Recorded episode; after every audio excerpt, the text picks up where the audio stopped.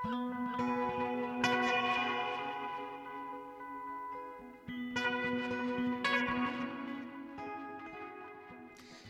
sæl og blessuð. Viðsjá heilsar á getur hlustendur þriðju daginn 11. mæ. Nýjar rattir, eldur í höfði, kaðlar og reypi og strengja kvartetar í Viðsjá í dag.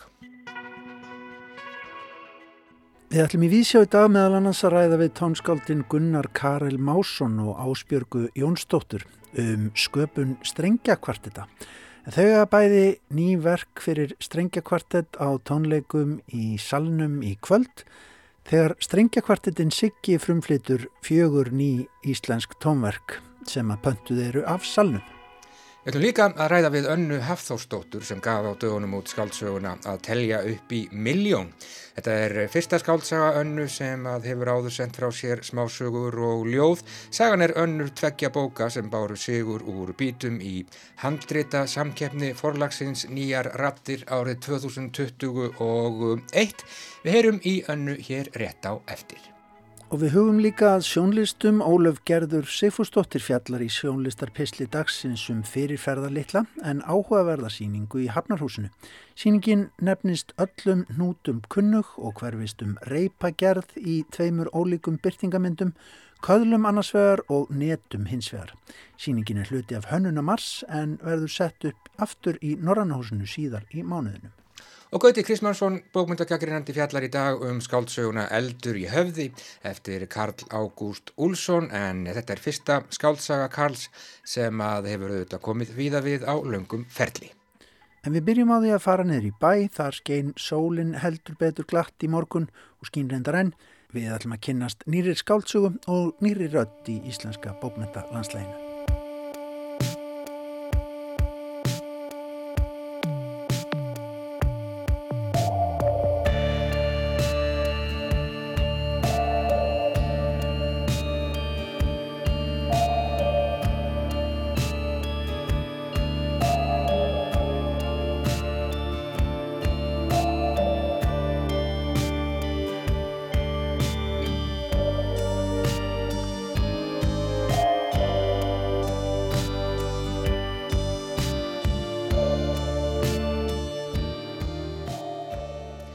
dögunum kom út skáltsaga sem að heitir að telja upp í miljón. Bókin er eftir Önnu Hafþórsdóttur og þetta er hennar fyrsta skáltsaga en Anna hefur áður sendt frá sér smásögur og ljóð. Í bókinni segir frá Rakel en tilvera hennar fer á kvolfdægin sem kærastinn hennar yfirgefur hana. Hún hefur alveg upp við erfiðar aðstæður, hefur lítið samband við fjölskyldu og vini. Þetta er saga um flókin fjölskyldu tengsl, áföll og samskiptaleysi, já og kannski líka um sektarkend og einangrun. Að telja upp í miljón er önnur tvekja bóka sem báru sigur úr bítum í handrítasamkefni forlagsins nýjar rattir árið 2021. Hinn bókin er sagnasafnið í miðju mannhafi eftir Einar Löfdal. Anna Hafþórsdóttir er ekki aðeins réttöfundur, hún er líka leikona, handrýtshöfundur og tölvufræðingur og útskrifaðist með mistaragráðu í réttlist við Háskóla Íslands. Sögur verða skemmtilegar þegar tíminn hefur leift þeim að marinerast, fortíðin er romantísk, framtíðin er spennandi en nútíðin er leiðinleg. Samt er þetta allt sama helvítis vittlisann. Við skulum hitta önnu Hafþórsdóttur.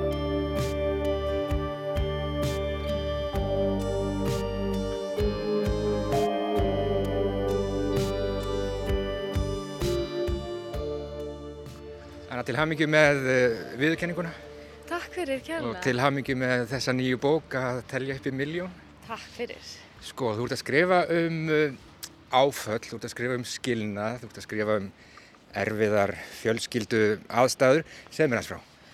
Já, ymmit, sko. Sko, Rakel aðalpersonan, hún er sagt að að gangi gegnum sambandslit og, og hún svona, já, átti svolítið erfið æsku og úlingsár og er svona kannski upplifun, hafi ekki neitt sem hún getur leitað til og þar sem hún er þarna heima hjá sér að ganga um gólf og reyna átt að segja hvernig hún hefur komast í gegnum þetta áfall þá fór svona að sækja á hana minningar úr fortíðinni. Já, já, Hún einhvern veginn bara nemur staðar þarna. já, hún gerir það svolítið Já, stoppa. og er kannski svolítið búin að vera í afneitun uh, upplýði kannski bara hún hefði satt skilið svolítið við fortíðina Aha. og bara og ákveðið að horfa fram á veginn og sé bara að lifa lífinu en, en það er þarna eitthvað sem hún á eftir óuppgert Já, og já, já. Þetta eru mjög sérstakar fjölskyldu aðstæður sem hún elst upp við. Móðurinn kannski ekki alveg eins og fólk er flest. Fadurinn hann lætur sig, lætur sig bara hverfa og þau alast þarna upp uh, tvö sískinin hún og yngri bróður hennar bara í, í lítilli íbúð og já, við svona frekar rýran kost. já, akkurat mér langaði svolítið að fjalla um um sko börn sem að það, sem kerfið grýpur ekki inn í Já. þú veist, það sem kannski Það er margir sem þekkja þetta. Já, þetta er held ég mjög algengt Já. og þarna kannski er frekar augljóst að það hefði átt að grípa inn í Já, en það ger, gerir það enginn já, um, og, og, og geðveiki er mér líka hugleikinn uh, og hérna og svona ég líka velta fyrir mér þú veist uh, erðum varandi Já, það þú veist hvort að og hvernig geðsjúkdómar erfast og, og ef að það er geðsjúkdómar í fjölskyldinu ef maður þarf rosalega meðvitaður um það og Einmitt. maður lífinu Já. með tilliti til þess eða tekur stórar ákvarðanir út frá því Já, eins og til dæmis barnegnir í þessari bók. Erum meðal hans að fjalla um, já, barneignir eða kannski öllu heldur ákvörðunina um það að, að, að eignast ekki barn. Akkurat, já, ég kem svolítið inn á það Já. og þá kannski svona þennan sjálfsákvörna rétt hvenna sko um, um Rakel ákveður það bara 25 ára gömul að, að hérna, já, fara bara í legnum. Já, Já. og upplifir svolítið sterkar skoðanir á því, Mhm. þú veist, bæði frá hennar nánustu eða bara fólkinni kringum hana og svo líka bara samfélaginu Já. og jáfnvel fólki sem að, sem að hún bara þekkir lítið sem ekkert Já, og, hérna, og þetta fer í töðunar á henni Mhm. henni finnst hún bara með að gera það sem hún vill við sinn líkama og, Nákvæmlega. og þá er kannski spurningin einmitt sko hverjir mega hafa skoðun á þessu þú veist, má makinn manns nánust hafa skoðunir á þessu er hún þetta bara þegir bara yfir þessu. Já, já, hún er, hún er svolítið góð í því, Já. bara að þegja yfir hlutunum Já. og svo springur allt framann í hana, einhvern veginn.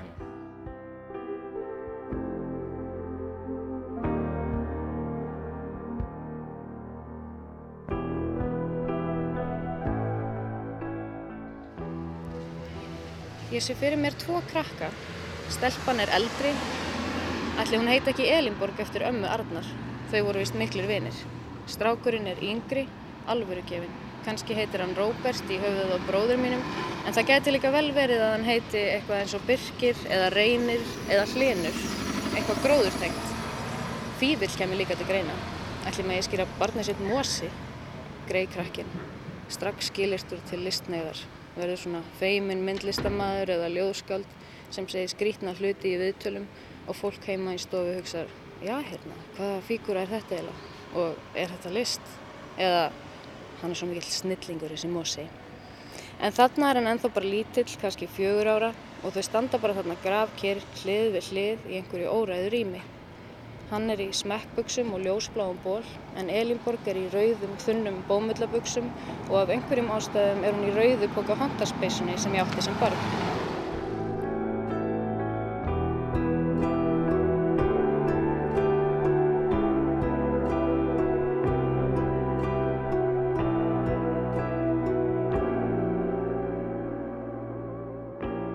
Hún er þarna einhvern veginn að reyna að tjastla sér saman en hún svona, sko hún klippir á uh, tengsl við fjölskylduna til dæmis og er svona, er bara svona mjög einangruð. Já, hún er einmitt svolítið að reyna að átta sig á þessu rofi sem er átt í stað og, og er kannski átt að sjá að þessir veggir sem hún er búin að vera í mörg mörg ára að byggja upp og gagvart fjölskyldunni til að verja sig Já. og til að verja sig þessum sársöka sem er að vera í samskiptum við þau er að hafa áhrif á fleira í lífinu eins og til dæmis sambandi við makan og hún, svona þessi vöndun á tengslum og einmannaleikin sem fylgir því er, er svolítið ábærandi í, í þessari bók. Já. Ert líka að skrifa er það ekki bara um, já, svolítið mikið um sektarkend. Hún kennir sjálfur sér svolítið um það að, að fadurinn skildi hafa farið á, á sínum tíma Já, algjörlega. og fyrir að hafa rústað sínu ástarsambandi. Já, nákvæmlega, af því að hún einhvern veginn hefur lokast svo í gegnum tíðina og, og það náttúrulega hefur áhrif á sambandið, já, hún kennir sér um það og ymmit, þetta með sko pappin að fara, þú veist, þegar hún er barn, er, eða úlingur, þetta er svo mikil höfnun Já. sem hún upplifir auðvitað Já. og, og svo býr hann bara annar stað með, á sér annar líf, þú veist. Hún er bara náttúrulega- stöðut að reyna að vinna, vinna úr þessu einhvern veginn. Já, eða er í rauninni ekki að því. eða kannski núna er hún að lenda á einhverjum vegg Já. og er svona, uh, er að reyna átt svo hvað Já. er að gera næst. Alltaf óvænt heimsókn þarna undir lokin sem við kannski segjum ekkert frá. Nei, einmitt, kannski leiðum því að koma í ljós. En já, hún fær hérna óvænta heimsókn og þá svona uh, verður smá beigja í, í frásögninni sem gerist í nútímanum. Annars er þetta náttúrulega svo mikið endurlit. Já, einmitt. Verður svona fram og tilbaka í, í tíma. En talandi um geðsjúkdóma, uh, titill bókarinnar að, að telja upp í miljón, það hann tengist uh, móðurinni og, og áfalli sem hún verður fyrir. Já, jú, uh, þegar að pappin hverfur af heimilinu þá ákveður mamma Rakelar, aðalpersonar, að uh, telja upp í miljón. Mm Uh, og, er, veist, og þetta er einmitt svona dæmi um þessa, þennan tón sem að mig langaði svo að vinna með sem er, þú veist, mér langaði að skrifa sögu sem er bæði fyndin og sársaukafull Já. og sorglega á sama tíma. Mér langaði svo að reyna að feta þessa línu og einmitt eins og, þú veist, að, að telja við miljón er svo störtlað, þú veist, hver gerir það? Þráhyggja, já, nákvæmlega. hást í, sem- Akkurat, Já. sem er náttúrulega svo alvarlegt. Já. En þessar kringumstæðar eru líka pínu fyndnar en hún segir einhvers staðar móðurinn sko, sögur verða skemmtilegar þegar tíminn hefur leift þeim að marinerast, fortíðin er romantísk, framtíðin er spennandi, en nútíðin er leiðinleg, samt er þetta allt sama helvítis vitlisann. Þetta er gott. Já, einmitt, er þetta ekki bara, er þetta ekki svolítið satt hjá henni?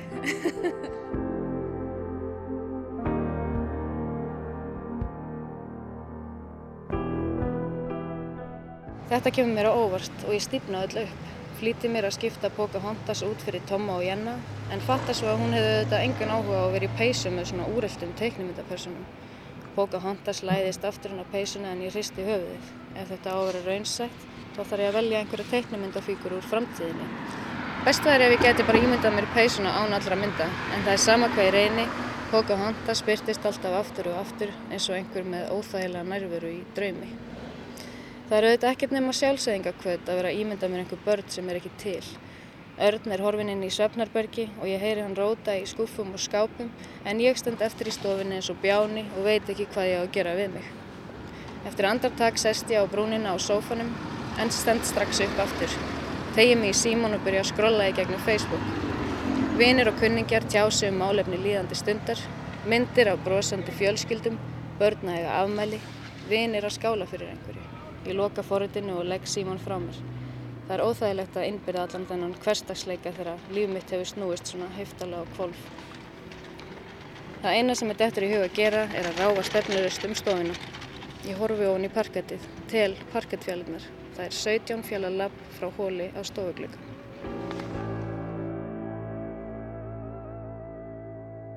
Varstu lengi að, að hérna, vinna þetta verk?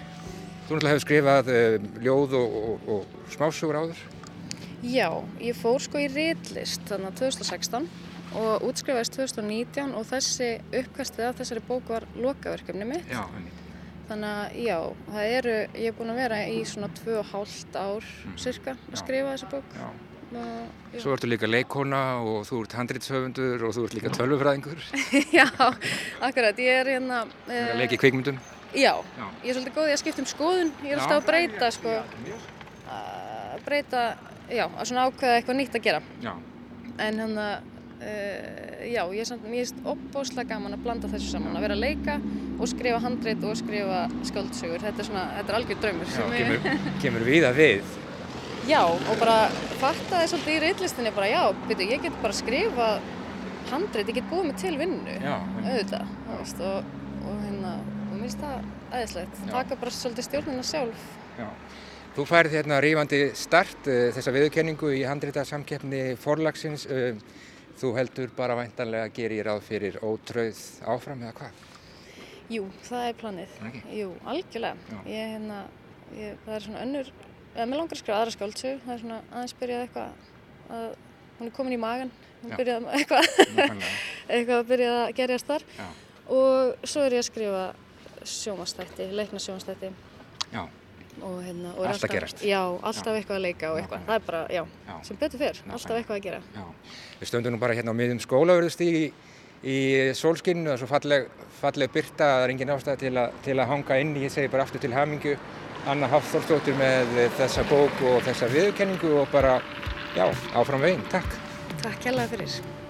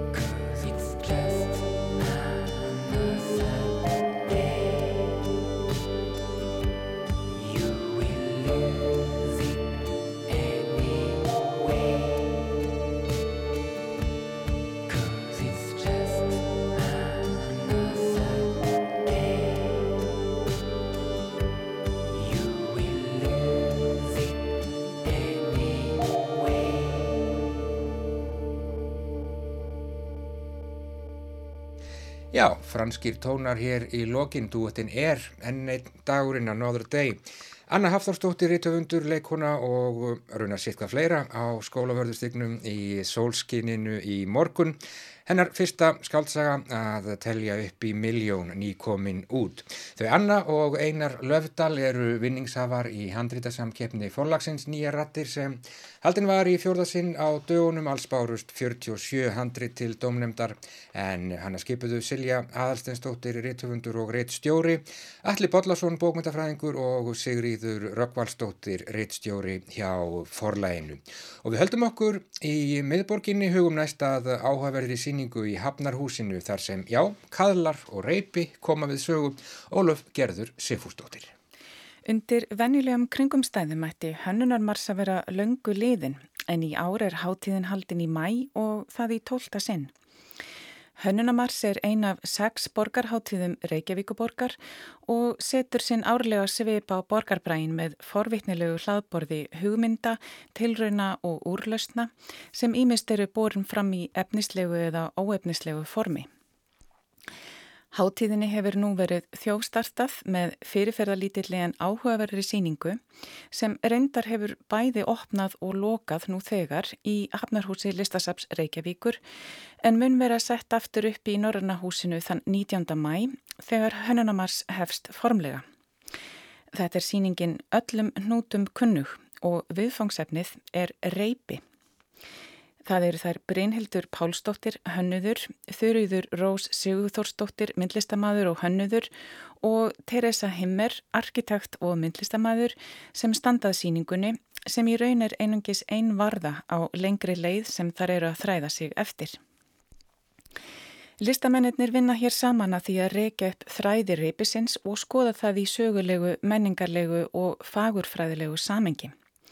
Sjónum er beint að framleiðslu aðferðum, efnisleika, notagildi, hjátrú og handverki og skoðað er hvernig reypið byrtist í kaðalgerð annars vegar og hins vegar netagerð. Þannig verður samanburður kaðla og neta af þungamiði verkefnisins sem bæði hugmyndafræðilegur og efnislegur grunnur þess hverfistum.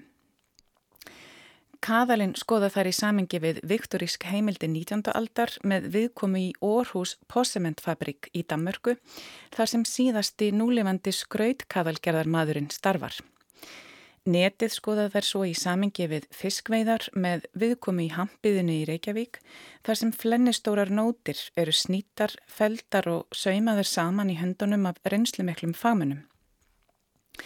Listamennir hafa hér fyndið áhugaverðan samnefnara milli afar mismunandi tegund af reipum í hlutverkum sem gæti valla verið ólíkari í stásstofi heimilisins annarsvegar og á tógara í útafi hinsvegar.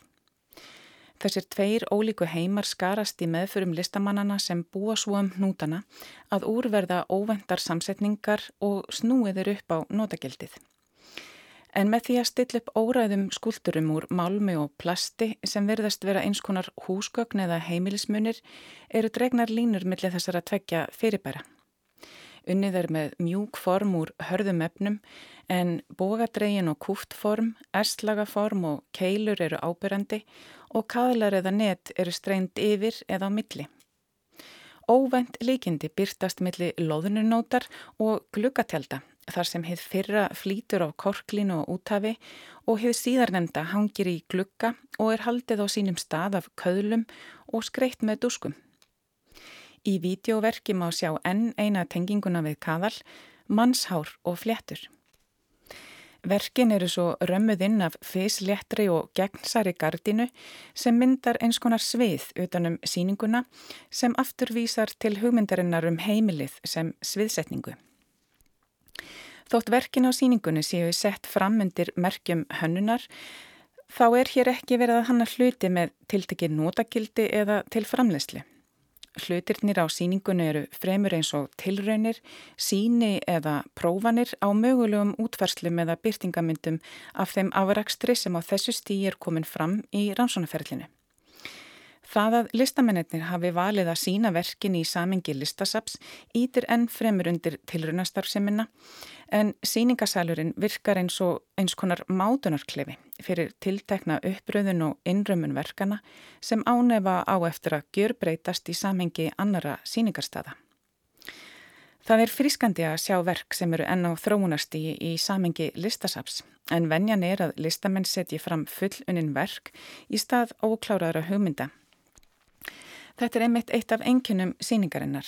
Verkin eru ofin í annan endan, hlutir eru óljósir og óræðir, þeir eru augljóslega á leiðin eitthvert. Efniviðurinn er afar frjór en fyrir bara eins og reypi og nótir opna leiðirinn í ennstari hugmyndaheimum þróun mannkins eins og mannfræðingurinn Tim Ingold hefur gert að rannsóknarefni sínu. Í bóksinni Lines A Brief History lýsir hann því hvernig heimurinn samanstendur af línum, hvort sem er í hlutlegri eða huglegri merkingu og hvernig ólíklegustu fyrirbæri eins og skrift, prjón, vefnaður, veiðinett, girðingar, borgarskipulag, ferðalög, tímin og tengslanett eru öll byggð upp af línum.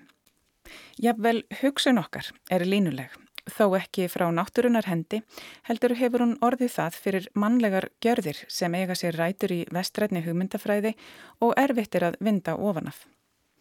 En þræðingar, bindingar, hnútar, snúningar, likjur og möskvar, þetta eru meðal eldstu listformana og úr þeim hafa flókin manngerð fyrirbæri eins og íverustadir og sjófur orðið til og þannig má segja að þau hafi gengt líki hluturki í þróun mannlags samfélags.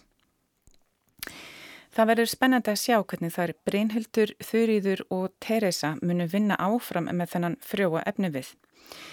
Ég saknaði þess að sjá ekki meira unnið með kaðalinn á þessu stígi og vonast til að hann munu komi frekar við sögu á síðari stigum verkefnisins en mun meiri áhersla var á netagerð en kaðalgerð í þessari atrinu.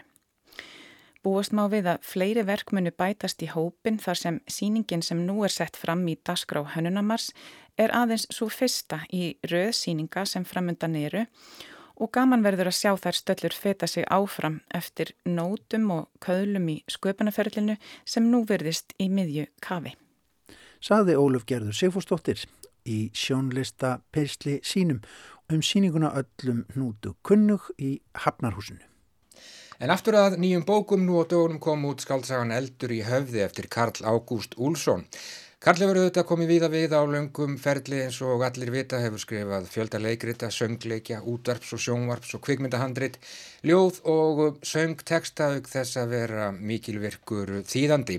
Karl hefur sendt frá sér tvö smásagnasöfn en Eldur í höfði er hans fyrsta skaldsaga. Göti Kristmansson, bókmyndagagrínandi viðsjár, hann er búinn að lesa og við skulum gefa honum orðið. Leitina tilgangi, eða kannski öllu heldur merkingu lífsins, er eldformt viðfánsefni bókmynda á lista, rétt eins og heimsbygginar, nú eða raunvísandana. Háðfuglar gera stundum grína því og reynað að afhjúpa hátimbraðar tilrunni listamanna til að rannsaka þessa stærstu spurningar til verunar. Minna grín er gert að heimsbyggingum eða raunvísindamannum og vafalaust hafa ýmsir höfundar farið fram úr sér í þessari leit en þó eru þau fleiri en mörg sem skrif hafa ógleimanlega texta um hana. En það er þraungur vegur að ganga býst ég við. Þessi bók hefur líka ýmsar áskorunir að geima fyrir réttan og sléttan gaggrinnanda.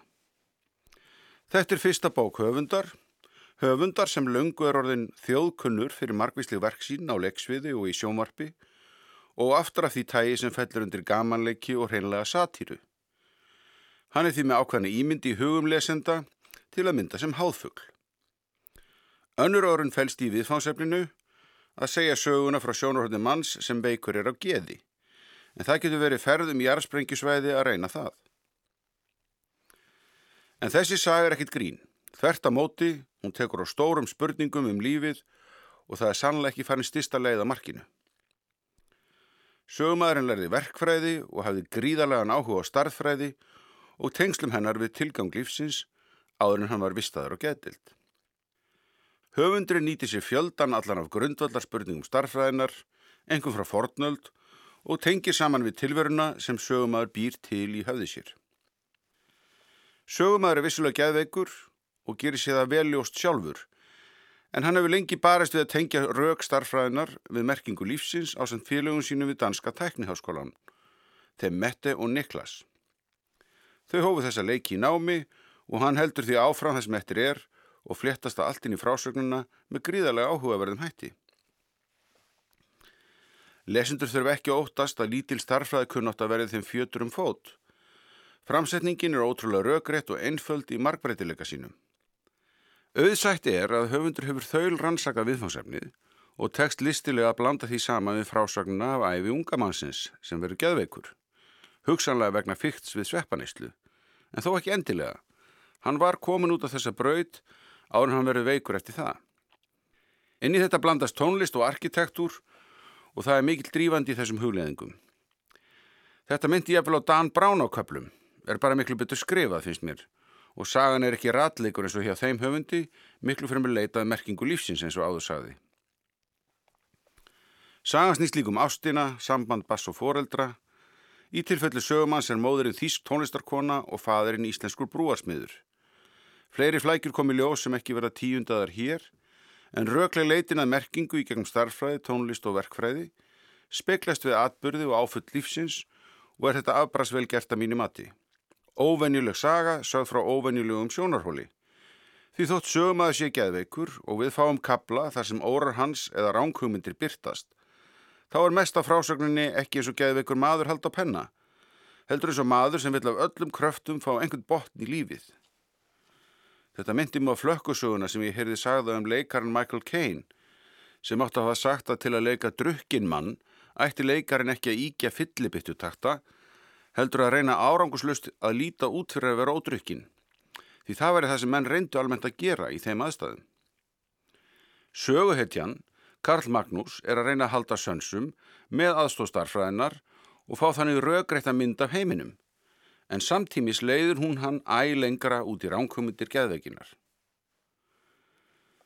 Stílbókarinnar mótast á því að hér er maður að færa nokkur svona dagbók eða endurmíningar. Setningar eru stuttar og snarpar en rennar samt ljúlega áfram með starfræðiformúlunar inn á milli og vísanir í starfræðinga eins og Pythagoras, Hippesus, Hippatíu og Archimedes. Þetta gengur mjög vel upp. Ég fekk á tilfinninguna að ég skildi þessar starfræðiformúlur sem hefðu komið mínum gamlu starfræðikennurum mjög á óvart. Skemtilegt stílbrað fælst í því að nota fornafn fyrir eitthvað sem nefnt hefur verið áður og klefa svo með nafnurðan og eftir. Hér er dæmi, tilutun hefst. Ég hættar inn að skilja og starði á kvítan vegg fyrir aftan prestin prepen. Það var hjúf áferð á honum. Vegnum. Tilutun líkur. Þetta gerur höfundun okkur reglulegi gegn textan. Tungumálaði samt fullkonarlega blátt áfram og höfundurinn er stílhrifum sínum frekar með starfræðiformúlum og táknum. Táknin í textanum eru einmitt önnur vít sem höfundi tekst vel að byggja upp. Það eru brýr í stóru hlutverki, Kvítarbrú og Golden Gate brúin í San Francisco, en einni tónlist, engum eftir Jósef Strauss sem einnig var verkfræðingur, yngri bróður Jóhann Strauss Annars, valsakóngsins svo nefnda. Dynamítin valsinn sem Ríkjard Strauss hnuplaði síðar í óperu sína um Rósakavalirana er þar í forgrunni og aftur tekst höfundi aðbrast vel að tengi þetta allt saman svo að það er fullkomlega rögreitt fyrir lesandanum sem þarf að minna sig á að þessa tengingar eiga sprettur huga geðveiks manns. Sannfæring hans er svo mikil að þessi lesandi fór að fylgja honum í leitinni sem ferði hann líka áfram að óvendum stöðum, frá Fornöld til San Francisco og skipulags Parísaborgar. Eldur í höfði komir verulega óvart og verður það að skrifast á fordóma þá sem ég nefndi hér í upphafi. En þeir fugu fljótlega út í veður og vind og mér finnst aðdánavert hvernig þræði sögunar eru bundni saman. Þar verist ekkert hafi verið órannsakað og ekki oft sem að googla spentur hitt og þetta og kemst að því að allt er byggt á staðreindum. Það eitt og sér er kannski ekkert stórmál að unn sé að staðrein eitthvað sem fram er haldið í skáldsögu en vefurinn sem ofin er úr þessum staðrindum er samfeldur og hnökra laus á að líta. Formið er þannig svo þaulinnið að þetta lítur alls ekki út eins og frumraun höfundar á þessu sviði. Vissulega er Karl Ágúst þraut reyndur höfundur, en þetta er samt hans fyrsta skáltsaga og það liggur við að manni finnist hún hafa sprottið að alls sköpuður höfði seifs eins og Pallas Aþena forðum. En grínlaust þá hafði það valla verið nokkurt grín að skrifa þessa sögu um starfræðilegt raunsægi Gæðvíks manns, en það tekst í fullri alvöru. Segði Gauti Krismansson um skáldsöguna Eldur í höfði eftir Karl Ágúst Úlsson.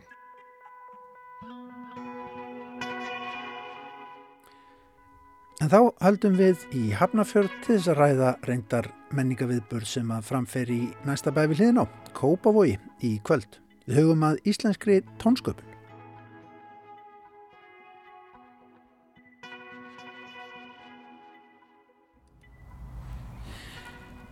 Viðsjá er komin í helliskerði í Hafnarferði, almenningsgarðin hérna í miðbæ Hafnarferðar og það eru kettir hérna á sveimi kringum okkur, fuggla, söngur og sólinn skín.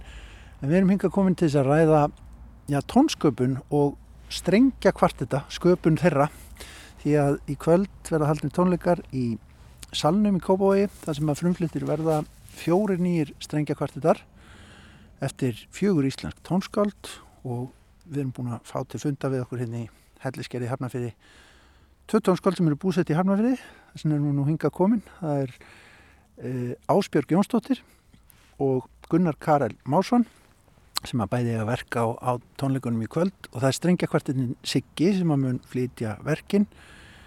Og svo verður þarna tvö verk eftir Maríu Höld Markan Sigfúsdóttur og Sigurd Átna Jónsson en já ef maður bara spyr beint út uh, Gunnar Karel sko, þegar maður er fengin í það að, að skrifa nýjan strengjakvartett hvernig bregst maður við? leist þér á verkefni svona?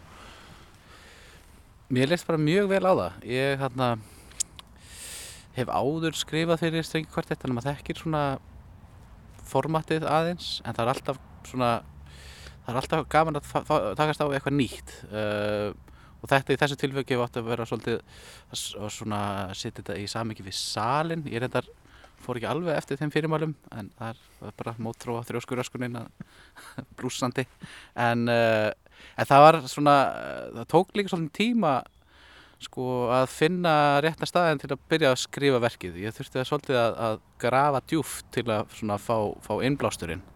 Þannig að um, sem að því að ég var svona í raunur bara þessu ári að skrifa mestbegnis að verkinu og, og klára það þótt svo að það var svona alveg, alveg upp að, upp að dauðalínunni svo að segja. Að vera alveg á brúninni eins og maður er. Já.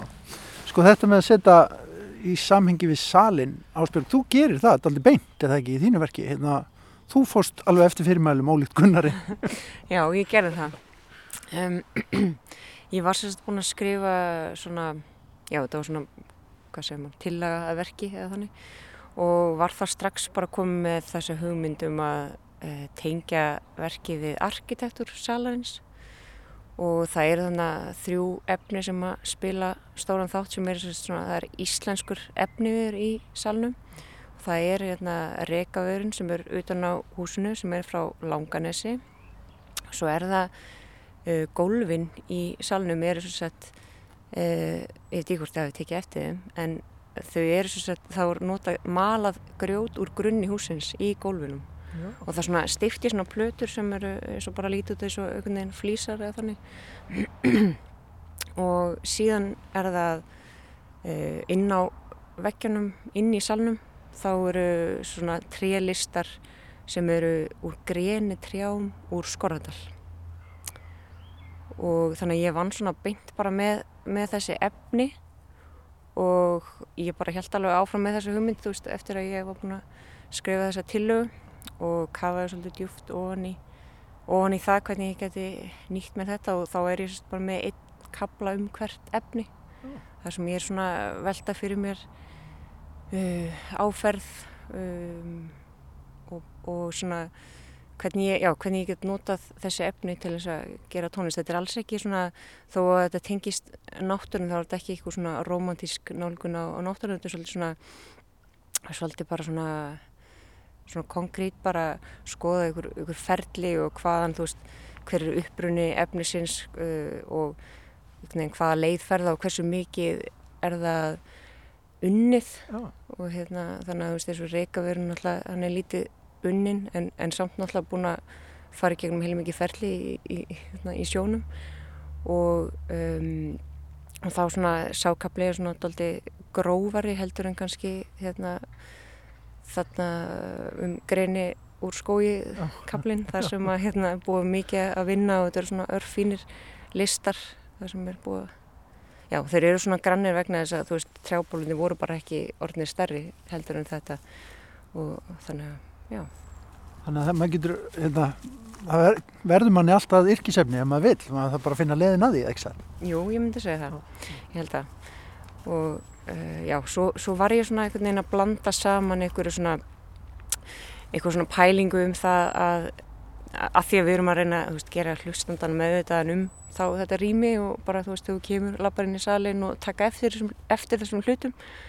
Og, hérna, og þá er ég með svona smá einhverja svona tilraun til þess að hjálpa hlustandum til þess að verða með þetta um rýmið og, og með þetta er kannski bara í leiðinu um hlustunina og ég fór svona eitthvað að spá í svona um, þrepum hlustunar sem að, þú veist, ef maður er krafin um, um svar eða viðbrakt þá hlustar maður betur heldur en ef maður er ekki krafin um það. Já.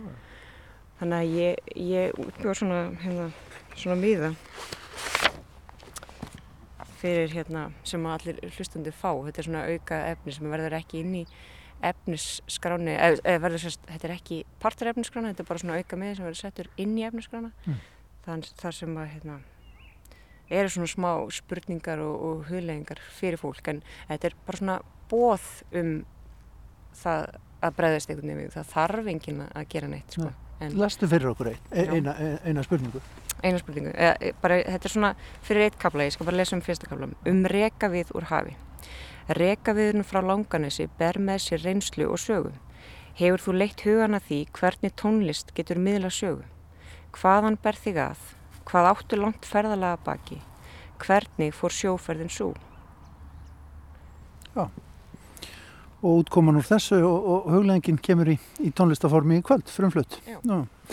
Gunnar Karel, titillin á þínu verki var Erlendur og það ekki Sensatité. Hva, hvað þýði það? Það þýði bara stjórnumálega án þín. Þetta er fengið úr ítalskri koncertarju. Þetta er ekki að ljósta upp hvaða arja það er. Það kemur smá svona tilvittnun í hana. Glöggir hlustendur munu, munu átt að sig fljóta á hvaða er, vona ég. Um, en það er endar skemmtilegt uh, sem þú veist að segja maður með sko að hvaðan við erum að koma, hvernig við hlustum. Ég nefnilega, mm, mitt verk er líka svona, svona einhvers konar ferðalag. Mm -hmm. Um, ég reyndi eins og ég gæti að hafa sömu áferð út allt verkið og mistókst hraparlega uh, og það er svolítið bara þannig sem ég skrifa ég á erfitt með að halda út sama hlutnum lengur en þrjár mínútur eða fimm kannski uh, og þá sé ég mig knúin til þess að fara að breyta, gera eitthvað nýtt kemur eitthvað annað elementi en það er bara hluta þessu ferðalagi. Þannig að og hjá mér að það mitt fyrst er að svona hvernig hvernig getum við staðið í staðin samt ferðast? Það er svolítið svona fyrsti parturinn að þessu. Og svo, svo förum við inn í part sem er svona meira meiri reyfing en, en, en, en stöndum í stað. Mm -hmm. Og svo við aftur að, að byrjunin svolítið þannig að þetta er svona já, ég, svolítið svona svipuð meiði að hluta til en það er, það er þetta líka, það er alltaf eitthvað sem vandar, mér finnst það svolítið uh, mikilvægt fyrir mér að þegar maður heyrir verk að það sé annarkort að skilin eftir og langi meira mm. eða þá að þú heyrir eitthvað sem er ekki einu svona þannig. Það er svolítið, minnst það svolítið svona, uh, já, það, ef það tekst þá finnst mér að hafa tekist upp sko, annarkort, jafnvel bæði, en uh, það er ekki alveg örugt að það takist bæði sko. Mm -hmm. uh, menn að við erum alltaf í bara daglegu lífi að, að hvað þá er sem hraða nútíma samfélagsins að eldast við einhverju hluti sem við, við náum aldrei í skottið á uh, og erum alltaf í þessum einhverju, einhverju sem við, einhverjum svona skorti eitthvað sem er án þín, svo að segja mm. þannig að þetta er svolítið, en svo er þetta líka svona eins og sagði, þetta þurfti að kafa svolítið djúft, þetta er svolítið líka sérst, faði minn var söngvari og hann lest fyrir þreymur árum síðan. Og þetta er svona svolítið líka svona homage til hans mm.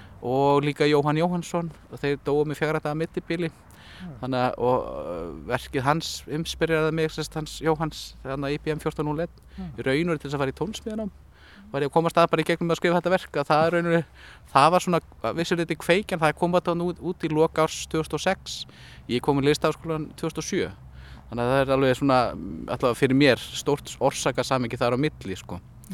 Þannig að um, það er, já, það var ég fór, einmitt, ég fór í minni, minni leitað að einhverjum innblæstri og, og hunsa fyrirmæli þá, þá fór inn í þessar, þessar raunum bara mjög, mjög mikið inn á við mm. og það er svona, uh, mér finnst það, ef verkið hefur einhvern sannleika fyrir manni þá skiptir litlu máli um hvaða er þannig að bara sé einhver sannleikur í því mm-hmm. fyrir þeim sem er að skrifa það. Það er svona, ég er alltaf, það er raunum það, það sem ég leitað, að það er einhvers konar sannleikur, hvort sem það er í aðferðinni eða, eða í sjálfum skilabóðun sem verkið er og ég reyndar hefur miklu trúaði að, að verkið þurfa, alltaf, verk þurfa að hafa eitthvað samhengi hver, hvað svo sem það er en það, það get ekki verið að það er raun og engin tónlist fyrir mér samhengislus, það er engin abstrakt tónlist til mm. það er allt einhvers konar tilvittnanir í annað ef maður bara fer nógu langt aftur eða í, í svona þessa samanlegu um, hlustunar áru svo að segja, -hmm. manneskunar hvað þá einn hérna í vestarana heiminum þar sem við öll með sama minni svo að segja það nær mjög stutt aftur það sem við erum öll bara með sömu laugin í eironum sko. og það er næstuð að þannig í dag það er þetta smá kannski smámunur en það er samt þegar maður lítur síðan ef maður myndir horfa aftur á þennan tíma eftir hundra ára eða eitthvað þá er bara einhverjum tíu hlutir sem standa upp úr sem er þetta samanlega minni. Þannig að það er ég, ég er svolítið miklu trú eða svona ég held að það sé erfitt að, að setja eitthvað algjörlega án samingis fram.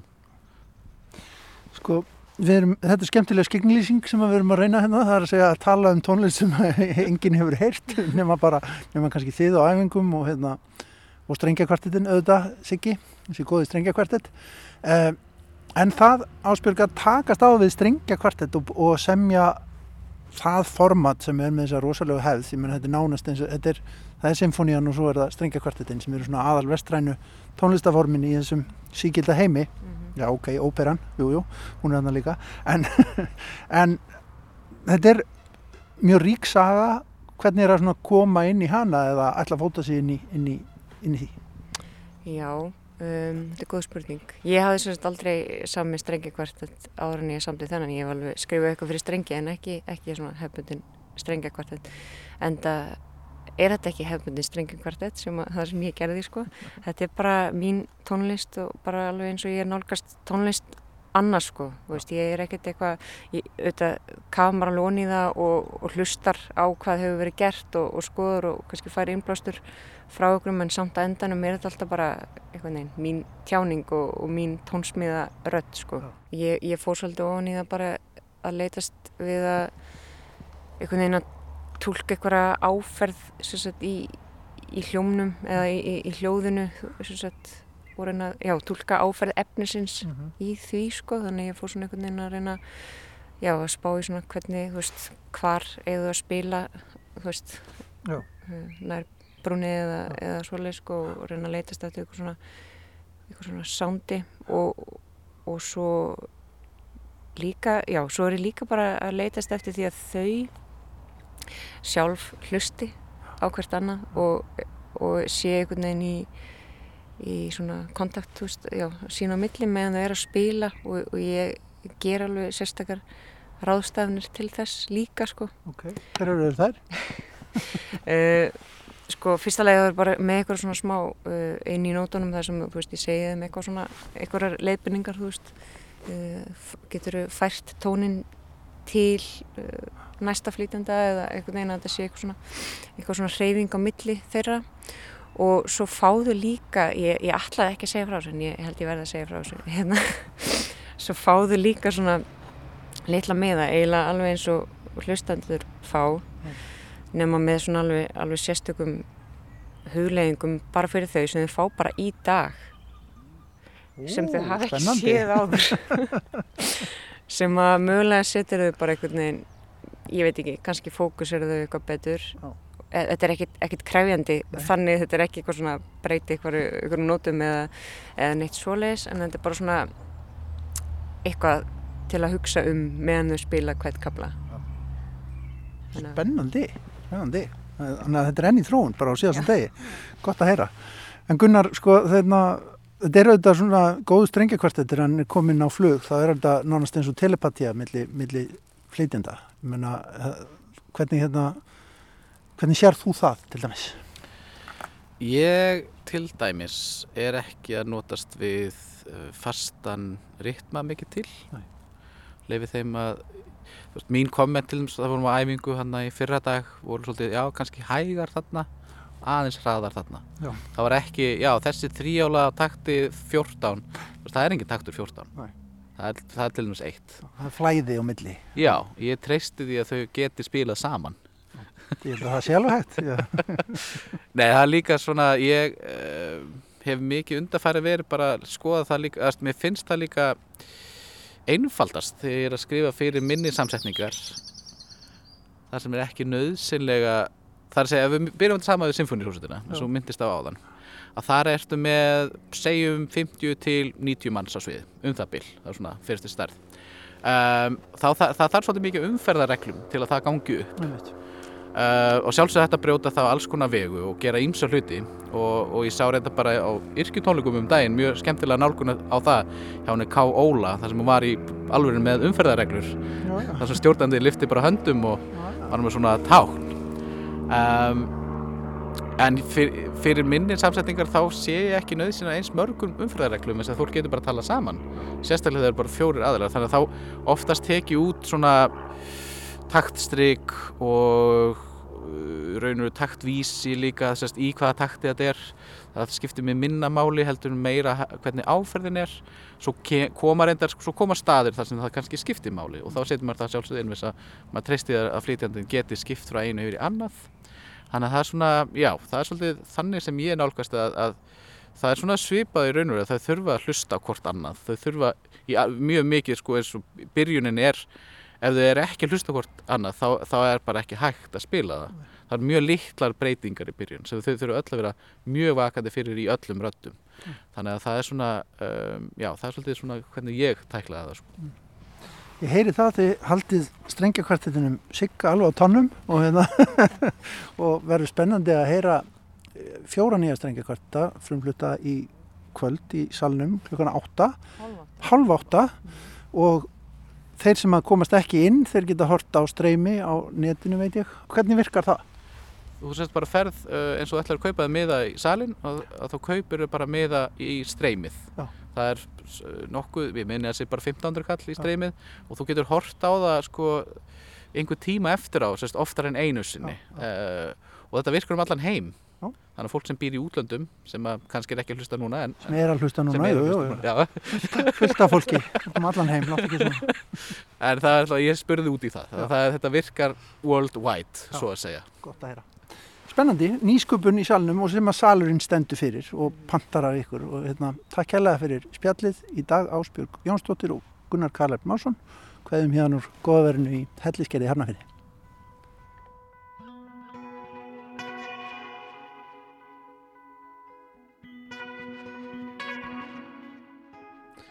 Þarna var rætt við tónskáldin Ásbjörgu Jónsdóttur og Gunnar Karel Másson en þau eiga verk á tíbrartónleikum í salnum í kvöld. Það verið að frumflutt fjögur ný verk fyrir strengjakvartett. Það er strókvartettin Siggi sem að leikur þau. Auk Gunnars og Ásbjörgar eiga verk á efniskráni Marja Höld Markan Sigfúsdóttir og Sigurður Átni Jónsson. Alla nánari upplýsingar um miða á tónleikana eða streymis aðgang að viðburðunum er að finna á vefsíðinni salurinn.is. Og svona ljúkum við við sjá þennan þriðju daginn, við sjá hér aftur á sínum stað á sínum tíma löst eftir klukkan fjögur á morgun. Takk fyrir samfélgina í dag, kærlega verðið sæl.